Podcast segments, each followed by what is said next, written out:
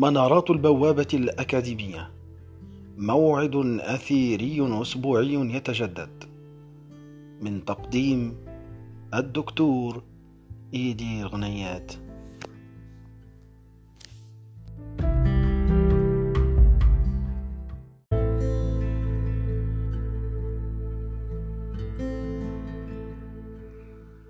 كثيرون من يشعرون بالإحباط لفشلهم.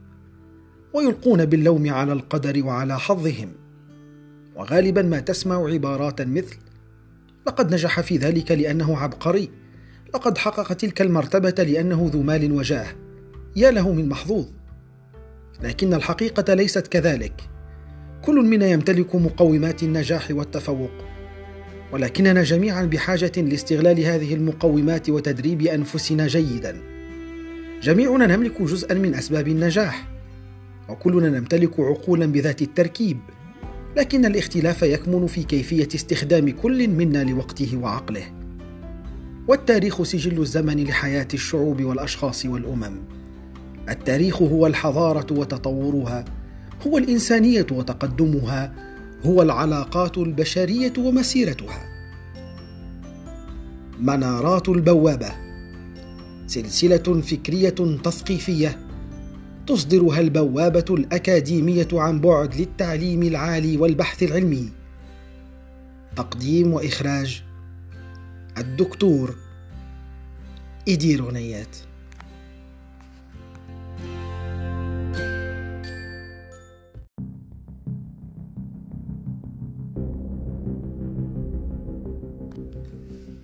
لم يستخدم أفلاطون رمزية الكهف لإيضاح نظريته عن الواقع ومعرفتنا به فقط، بل كان يرمي إلى شيء آخر، وذلك يبدو واضحا في الجزء الأخير من هذه المنارة.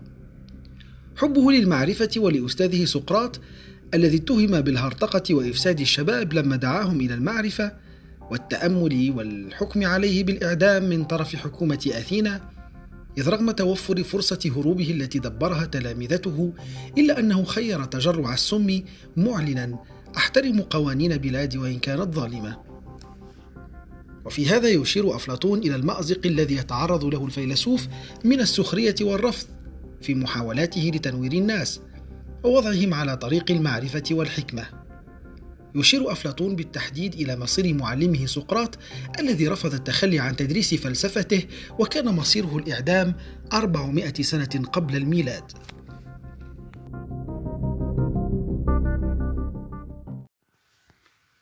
حوار كافي أفلاطون هي من أشهر الأعمال الفلسفية على مدى التاريخ ولها قيمتها الأدبية والفلسفية العالية. وكما هو واضح من العنوان فإن صاحب هذا العمل هو أفلاطون. وهذا حواره يتعرض لمصير الحكماء والأنبياء والمثقفين وأنهم لا كرامة لهم في أوطانهم. فهؤلاء بالرغم من أنهم أصحاب رؤى مستنيرة وآمال مبشرة إلا أن العامة قد لا تقبلهم وقد تلفظهم الأغلبية بالرغم من إخلاصهم ونبل مقاصدهم وحسن نواياهم. كان أفلاطون متأثرا بقصة سقراط ونهايته المأساوية. سقراط كان رجلا صالحا يدافع عن القيم والأخلاق والحق. لكن قومه كرهوه واتهموه بأنه يتعرض لآلهتهم بسوء، وتم الحكم عليه بالإعدام.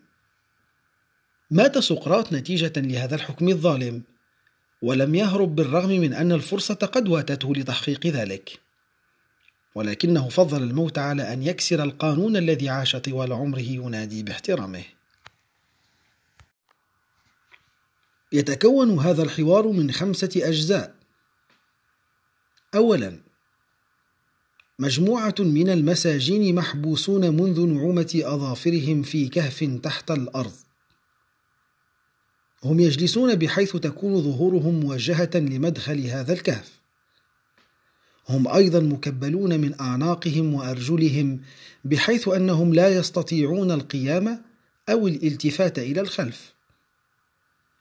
يوجد خلف هؤلاء المساجين مسرح عال لا يرونه كمسرح العرائس المتحركة.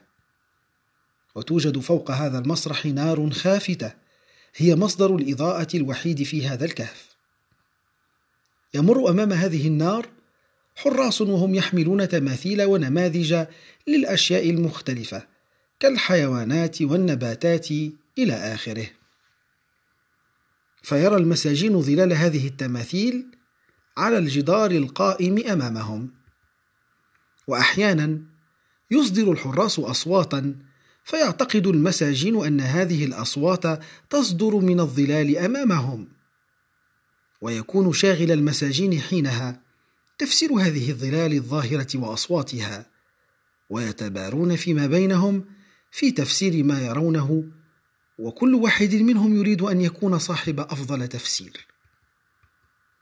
ثانيا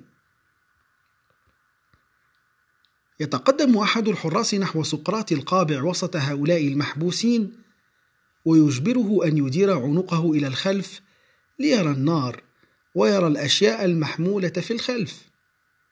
فيا ترى هل ستكون هذه العملية سهلة؟ بالتأكيد لا. هذه عملية مؤلمة لسقراط. سوف يقاوم إدارة رقبته. كما أن ضياء النور المباشر يضايق عينيه. واذا أخبره الحارس أن هذه الأشياء التي يراها الآن هي أقرب للواقع من الظلال التي كان يراها على الجدار فهل يا ترى سيؤمن بذلك؟ بالتأكيد لا. بل سيعتقد أن الظلال التي كان يراها وألفها طوال عمره هي الحقيقة وأن هذه النماذج والتماثيل هي شيء مصطنع وليس أصلي. ثالثا الآن يجبر الحارس سقراط على النهوض والخروج خارج الكهف إلى ضوء النهار. بالطبع ستكون هذه العملية في غاية القسوة. فشدة الضوء سوف تعمي عيني سقراط وسوف يصاب بالذعر والحيرة. ولكن بعد فترة سيتعلم أن يتأقلم على الوضع الجديد. سوف ينظر اولا إلى ظلال الأشياء على الأرض وبعد فترة سينظر إلى انعكاساتها فوق سطح الماء. وبعد فترة سينظر إلى الأشياء مباشرة. سيدرك العلاقة بين هذه الأشياء والظلال التي كان يراها سابقا في الكهف. ثم بعد ذلك سينظر إلى السماء ليرى الضياء والنجوم والقمر. رابعا سوف ينظر سقراط إلى الشمس نفسها ويدرك أنها مصدر الضياء في الكون بل إنها مصدر النار التي كانت في الكهف أيضا. سيدرك الحقيقة كاملة وسيرثى على حاله سابقا وحال زملائه في الكهف الآن حيث أنهم قابعون في أوهام ولا يدركون عن الواقع شيئا. خامسا ينزل سقراط مرة أخرى إلى الكهف حيث يوجد رفاقه السابقون. ولكن سقراط قد طرأ عليه تغيير فهو لم يعد سقراط القديم وعيناه لم تعد معتادتين على الظلام كما كانت في السابق. سيعتقد زملاؤه أن رحلته للخارج قد أتلفت عينيه. سيحاول أن يخبرهم بالحقيقة ولكنهم لن يصدقوه. سيفشل سقراط في أي تحد يخوضه معهم فعيناه لم تعد تدرك ما كانت تدركانه سابقا. سيسخر منه زملاؤه وسيقولون أن عقله قد تلف أيضا وإذا حاول أن ينهضهم بالقوة ويحملهم على الخروج من الكهف سوف يثورون عليه وقد يقتلوه.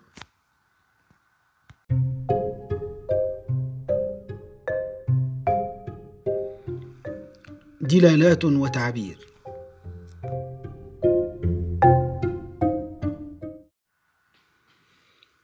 المرحلة الأولى تعبر عن الواقع القائم.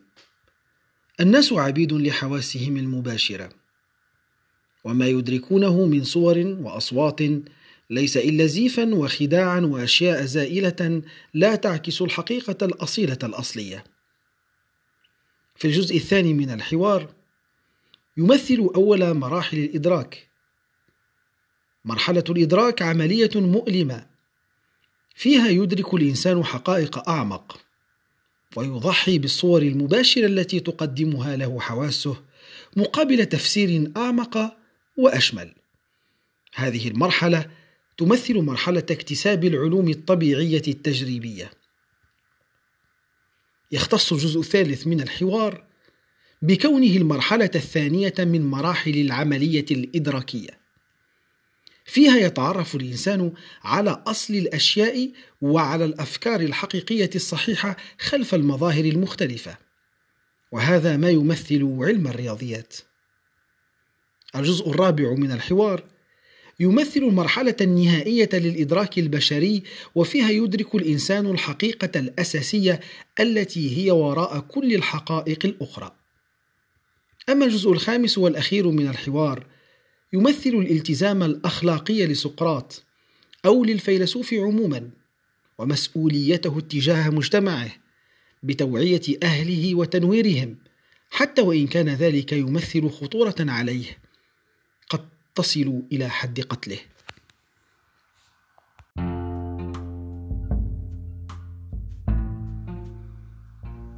منارة البوابة.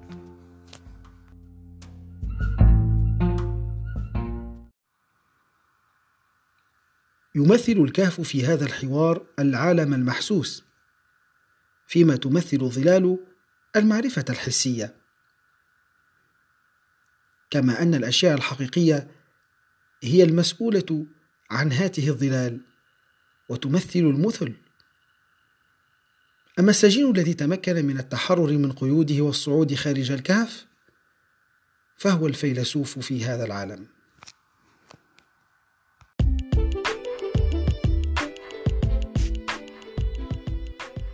إلى لقاء متجدد في سلسلة منارات البوابة.